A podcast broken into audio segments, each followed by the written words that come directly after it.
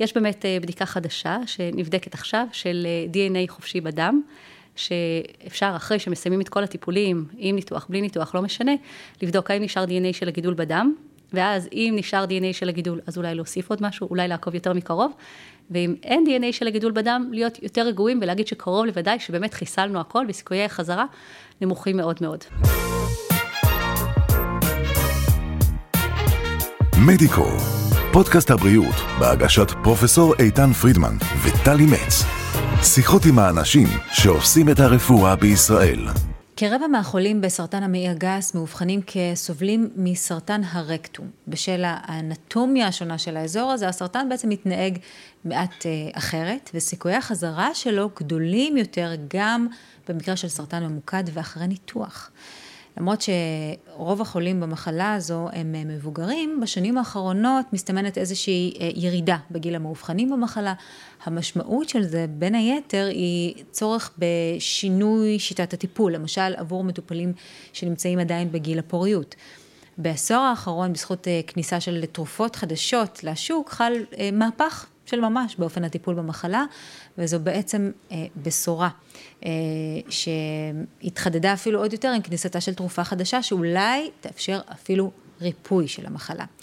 הזמנו לפודקאסט שלנו היום את דוקטור אה, אסתר טחובר, מנהלת תחום גידולי מערכת העיכול אסותא רמת החייל, כדי לספר לנו על אה, המחלה עצמה, על אופן הטיפול בה וגם על החידושים בתחום. אז שלום, דוקטור טחובר, וברוכה הבאה אלינו, שמחה מאוד שאת פה. תודה רבה. תשמעי, אני לא בטוחה שיש הרבה שיודעים לעשות את ההבחנה בין אה, אה, שני סוגי הסרטנים הללו, ולכן אנחנו נעזר בך ובידע שלך. מה בעצם מייחד את סרטן הרקטום מסרטן המעי הגס? אז אני אסביר, סרטן רקטום זה תת סוג של סרטן המעי הגס. בעצם, מה שהאוכל שאנחנו אוכלים נכנס לתוך הוושת, משם לקיבה, למעי הדק, למעי הגס, ובסוף יוצא מפי הטבעת. Mm-hmm. 15 הסנטימטר האחרונים של המעי הגס נקראים רקטום. Mm-hmm. מבחינת המבנה של הערירית, של השריר, אז זה חלק מהמעי הגס לכל דבר. גם מבחינת התאים של הסרטן זה אותו דבר, אבל מבחינה אנטומית, אה, באמת זה שונה, בגלל שהכירורגיה הרבה יותר קשה. יש שם גם ניקוז לימפטי וורידי יותר מורכב, mm-hmm. יש שם גם צפיפות של איברים. ולכן הכירורגיה שם קשה, ואי אפשר לרפא את זה אה, כמו בגידולים אחרים של המעי הגס, אפשר לנתח וזה הכל, בגידולים של הרקטום, אנחנו יודעים שאם רק מנתחים, אז סיכויי חזרה גבוהים. כן. אנחנו, אה, זה, זה נתון, תראי, הנתונים לגבי סרטן המעי הגס באופן כללי הם לא מאוד מעודדים, גם מבחינת אה, שכיחותו, הסרטן, אם אני לא טועה, השלישי, נכון. אה, בשכיחותו בארץ, נכון, בעולם. כן, כן, בארץ, כן. ולא רק זה, גם... אנחנו רואים את המגמה המתחדדת מאוד של גיל המטופלים שהולך נכון. ויורד עד כדי גילאי 45, סדר גודל כזה, זה נכון. מאוד מאוד מדאיג. אלה נתונים שתקפים גם לגבי סרטן הרקטום? כן, גם לגבי דבר. סרטן הרקטום יש עלייה בשכיחות בצעירים. וזה באמת יותר קשה, כי הניתוחים יותר קשים, כי חלק אה, ניכר מהחולים יצטרכו סטומה, שקית, שהצואה יוצאת דרך דופן הבטן, לפחות באופן זמני וחלקם גם באופן קבוע. יש באמת את העניין של פגיעה בפוריות בעקבות הטיפולים. אה, זה יותר מורכב מאשר סרטן המעי הגס שאיננו ברקטום. נשמע ככה. תגידי, איך, איך בעצם מאבחנים? איך מתנהל הליך האבחון? אז אנשים באים בעקבות בדיקות סקר, כמו בדיקות אה, דם סובי בצואה, או קולונוסקופיה, או בעקבות סימפטומים שיכולים להיות שינוי ביציאות, דימום ביציאות, ירידה במשקל. הם באים לרופא או רופאת המשפחה שלהם, שמפנים אותם לבדיקת קולונוסקופיה. בקולונוסקופיה אה, מכניסים צינור אחרי הכנה, אחרי שמנקים את המעי מתוכן, ומזהים את הגידול.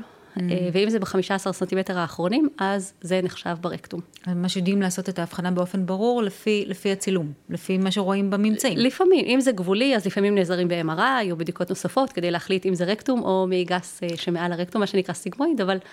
אבל לרוב כן, רואים שזה רקטום בבירור. הזכרת באמת אה, במילה או שתיים את עניין הסימפטומים.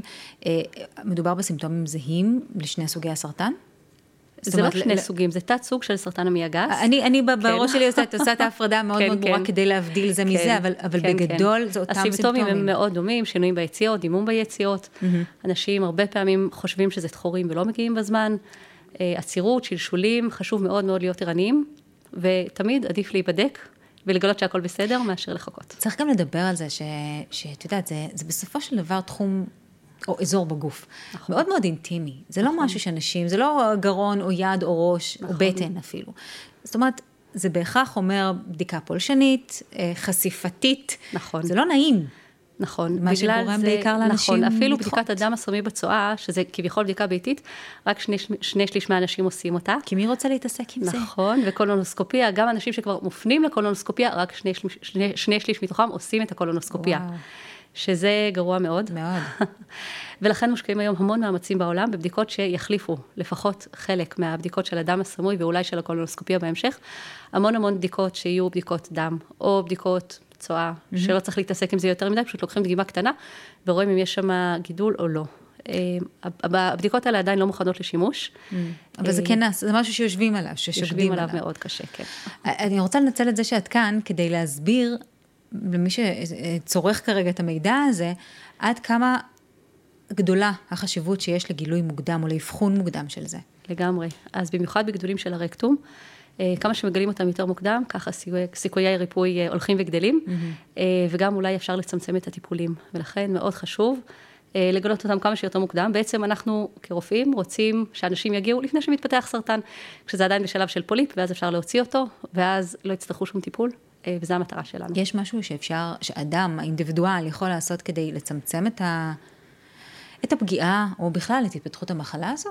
להקפיד על אורח חיים בריא, משקל תקין, פעילות גופנית, אכילה בריאה, ולעשות את בדיקות הסקר אה, לפי מה שקופת חולים ממליצה, אה, ולהיות ערניים בכל מקרה של סימפטומים, לגשת לבדיקה ולהתעקש על קולונוסקופיה. כן. בכל גיל.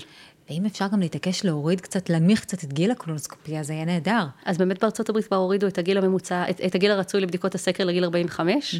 בארץ זה עדיין 50, אבל מאמינה שעם הזמן זה ירד גם בארץ ל-45. אני חושבת שיפה שעה אחת קודם. אה, בואי נדבר על אופן הטיפול. איך מטפלים בזה? אוקיי, אז בסרטן הרקטום, אה, מעט מאוד מהחולים יכולים לקבל ניתוח בלבד, רוב החולים, כדי להחלים, יצטרכו ניתוח וטיפולים נוספים. בעצם כבר הרבה מאוד שנים יודעים שאם עושים רק ניתוח, ברוב המקרים המחלה תחזור. Mm. ולכן לפני הרבה שנים אה, הציעו את הרעיון של לתת הקרנה ואז לעשות את הניתוח. וראו שזה מוריד משמעותית את הסיכוי לחזרת המחלה. קודם הקרנה ואז ניתוח, כן. זה מעניין. זה לא משהו כן. שהוא שכיח. נכון. אה, ראו שזה מקטין את הגידול, מוריד את הסיכוי לחזרת המחלה, לפעמים מאפשר ניתוח קטן יותר. Mm. ובאמת בשנים האחרונות יש שלושה חידושים שמשנים את הפרדיגמה הזאת. אז נפרט אותם אחד-אחד. אה, אחד מהם אה, אומר שיש אה, אפשרות טובה יותר לתת כימותרפיה וקרינה לפני הניתוח. כלומר, מה שהיינו עושים פעם, זה קרינה, ואז ניתוח, ואז כימותרפיה לרוב החולים. לכל מי שיש לו מחלה יותר מינימלית, היו מקבלים גם כימותרפיה זה אחרי. במידה והניתוח לא מצליח? לא. במידה... זה בכל מקרה. בכל מקרה. ברגע שרואים שבניתוח יש יותר ממחלה מינימלית, היו נותנים גם כימותרפיה אחרי. וואו. ואז בשנים האחרונות התחילו לתת את הכימותרפיה לפני הניתוח. קוראים לזה total neoadjuvant treatment. אוקיי. שכל הטיפול ניתן לפני הניתוח, ויש לזה שני יתרונות מאוד חשובים. קודם כל, שיותר חולים יכולים לקבל את הכימותרפיה. כלומר, כל החולים שהיו מסתבכים אחרי הניתוח, לא יכלו לקבל כימותרפיה והיו מפסידים טיפול יעיל. בטח. אז היום נותנים להם את זה לפני, אז הם יכולים לעמוד בזה הרבה יותר בקלות. והיתרון השני והחשוב זה, זה, זה שב-30 עד 40 אחוז מהחולים, אה, המחלה נעלמת, ואפשר להימנע מניתוח. מדהים. נכון. זה ממש ווין ווין. ממש. אז החולים אה, מקבלים טיפול כימותרפי וקרינתי, שהוא לא קשה לרוב, ויכולים להימנע מניתוח, לפעמים להימנע משקית סטומה, Mm. אה, להימנע מהסיבוכים של הניתוח, אז זה דבר מצוין. זה כן דורש מעקב צמוד, לאורך אה, כמה שנים, אבל החולים שבאמת הגידול שלהם נעלם על ידי הכימותרפיה והקרינה, מרוויחים, שהם לא. יכולים, אה, לא צריכים ניתוח. אה, מחקר אחר שהתפרסם ממש בחודש האחרון, הראה שבחלק מהחולים אפשר לוותר על קרינה. כלומר, יש חולים שיכולים להסתפק בכימותרפיה וניתוח. יש חולים שדווקא הקרינה זה החלק הבעייתי אצלם, לדוגמה באמת עניין הפוריות. כן. ואז הם יכולים בטח. לקבל כימותרפיה, ובחלק מהחולים, כלומר, אם הגידול הוא יחסית גבוה ולא מאוד אה, גדול, לא מאוד מתקדם מקומית, הם יכולים לקבל כימותרפיה, ואם רואים שזה נסוג חלקית, ללכת ישר לניתוח. וראו שזה לא פוגע בהישרדות שלהם, לא פוגע בחזרת המחלה, זה שהם נמנעים מקרינה. אוקיי. אז גם זאת אופציה שנחקרת בשנים האחרונות. אפשרות נוספת, שהיא בכלל נס, היא מתאימה ל-3% מהמטופלים, אבל ה-3% האלה יכולים לקבל אימונותרפיה, תרופה עם מעט מאוד תופעות לוואי, בלי כימותרפיה, בלי קרינה ובלי ניתוח. מה ב- זו התרופה הזו? תרופה שמפעילה את מערכת החיסון כנגד הגידול, נגד הגידול. בינתיים התפרסם מחקר של 12 מטופלים שקיבלו את האימונותרפיה. הם היו חולים שהתאימו לזה מבחינה גנטית, שרק 3% מהאנשים מתאימים, ואצלם האימונותרפיה העלימה לחלוטין את הגידול, 100% הצלחה. וואו. אה, הרעיון של החולים האלה זה שיש להם מוטציה בגידול שגורמת אה, לזה שהגידול שלהם לא מצליח לתקן את ה-DNA כמו שצריך, ואז מערכת החיסון מזהה אותו בקלות ותוקפת אותו, ולפחות במחקר הזה, הכל נעלם לחלוטין. זה, זה עדיין בגדר מחקרי, מחקרי בלבד, או שזה כבר מיושם? זה, אנחנו זה ממש... כבר מיישמים את זה במציאות, okay. בגלל אוקיי. שאנחנו באמת אה, רואים שיעורי הצלחה מאוד טובים גם במחקר וגם במציאות. זה לא בסל, אה, כרגע זה ניתן במסגרת תוכנית חמלה, אבל נותנים את זה לחולים שלנו, ואנחנו כבר מתחילים לראות תגובות מדהימות. טוב, בעזרת השם, בקרוב זה גם יורחב מעל לשלושה אחוזים, את יודעת, זה נשמע כמו הפתרון האולטימטיבי, באמת... יש ממש... המון המון מחקרים שבאמת בודקים איך אפשר להרחיב את זה ליותר משלושה אחוזים, כן, נכון. ממש, כן. אני מתארת לעצמי שטובי המוחות עמלים על, את יודעת, על למצוא תרופה יעילה וטובה יותר, כי זה מה שעושים, נכון. בסופו של דבר בתחום הזה. יש איזושהי דרך לנבא מי עתיד ללקוט שוב במחלה? אז הדברים הרגילים שזה הפתולוגיה, גם ב staging, בגילוי שלב המחלה שנעשה לפני הטיפולים על ידי MRI, גם בתגובה לכימותרפיה שאנחנו רואים אותה בניתוח. אה, זה הדברים העיקריים והחשובים, שאנחנו רואים מאיפה התחלנו ועד כמה זה הגיב, ולפי זה אנחנו יכולים לנבא פחות או יותר מה הסיכוי לחזרת המחלה. יש באמת אה, בדיקה חדשה שנבדקת עכשיו של אה, DNA חופשי בדם. שאפשר אחרי שמסיימים את כל הטיפולים, עם ניתוח, בלי ניתוח, לא משנה, לבדוק האם נשאר DNA של הגידול בדם, ואז אם נשאר DNA של הגידול, אז אולי להוסיף עוד משהו, אולי לעקוב יותר מקרוב, ואם אין DNA של הגידול בדם, להיות יותר רגועים ולהגיד שקרוב לוודאי שבאמת חיסלנו הכל וסיכויי החזרה נמוכים מאוד מאוד. זו, זו בדיקה ש, שכבר מיושמת? זה עדיין, זה מיושם באנשים אחרי ניתוחים של המעי הגס שאינם רקטום, mm. וממש עכשיו נעשים הרבה מחקרים בעולם שבודקים את זה גם באנשים אחרי ניתוחי רקטום. ההגברה הזו, ההרחבה הזו של, של הן המחקרים, הן הבדיקות והן מתן התרופות, לפחות הניסיוניות, זה משהו שקורה בגלל שמה, שמבינים שהגיל הולך ויורד, שהפגיעה הולכת ונהיית נרחבת יותר, או שמדובר ב, בסכנה ממשית, או, או מה, מה הסיבה בעצם? אז יש כמה חידושים, יש את העניין של הבדיקות סקר הטובות יותר, mm-hmm. כי הדבר שאנחנו אחר רוצים זה למנוע. כן. לא להיכנס לכל הפינות האלה של איזה טיפול ואיזה מעקב, אלא פשוט למנוע, שזה הדבר הכי חשוב, ובאמת, כמו שאמרנו, בזה מושקעים המון המון מאמצים ולעשות בדיקות סקר טובות יותר. כן. גם מבחינת הטיפולים, אנחנו מאוד רוצים להתאים את הטיפולים אישית לכל אחד. אה, לא כמו שפעם היינו אומרים, אוקיי, כל האנשים בסרטן רקטום יקבלו אותו דבר, כן. אלא לדעת שלחלק גדול מהאנשים אפשר לחסוך חלק מהטיפולים. ומצד שני, חלק מהאנשים צריכים תגבור של הטיפולים כדי שזה לא יחזור. סך הכל המטרה שלנו היא אה, שיהיו בריאים, שאנשים לא, לא יסבלו אחר כך מגרורות של המחלה. אה, ובשביל זה צריך כנראה להבין טוב יותר את המחלה של כל אחד ואחד, ולתת לכל אחד בדיוק את הטיפולים שהם צריכים. רפואה מותאמת אישית, אני חושבת שזה הדבר, אה, באמת, אה, פני הרפואה באופן כללי לשם, פני אה, חקר הסרטן והטיפול בסרטן ספציפית מאוד, נכון. ממש ממש, אנחנו רואים את זה כמגמה. יש, את עומדת בראש מרכז, ואני רוצה שככה בשתי מילים תספרי לנו על הפעולה שלו וגם איך הוא בעצם מסייע לחולים שלוקחים בו חלק, משתתפים בו, מי, מי עם שלביו, את יודעת, כל אחד ושלבו הוא. נכון, אז המכונים האונקולוגיים בארץ באמת מצטיינים. אה, החולים מקבלים את כל הטיפולים שהם צריכים, ובכל המכונים יש ליווי של דיאטניות ודיאטנים, עובדות ועובדים סוציאליים, פסיכולוג, פסיכולוגים ופסיכולוגיות. אני אגיד נקודה אחת קטנה שקיימת דווקא אצלנו, שזה כזה פיילוט אה, שקיים אה, ברשת בתי החולים שלנו, פרויקט שנקרא יד ביד, שיש אחיות שנמצאות במכון הגסטרו, אחיות שהוכשרו לכך, שברגע שיש מישהו שמקבל הבחנה של חשד לממאירות בקולונוסקופיה, מיד באותו רגע יש אחות שמלווה אותם, עוזרת להם בתמיכה, אה, בבדיקות, בהכוונה. מניחה טיפה את הלחץ, בטח. לגמרי, כי אנשים אה, בדרך כלל מתעוררים מהבדיקה, אומרים יש פה משהו חשוד, והם לא יודעים לאן לפנות ומה לעשות, ונכנסים באמת לסחרחרת כזאת של, אה, אוקיי, אז איזה בדיקה, אז איזה טיפול, אז איזה רופא או רופאה.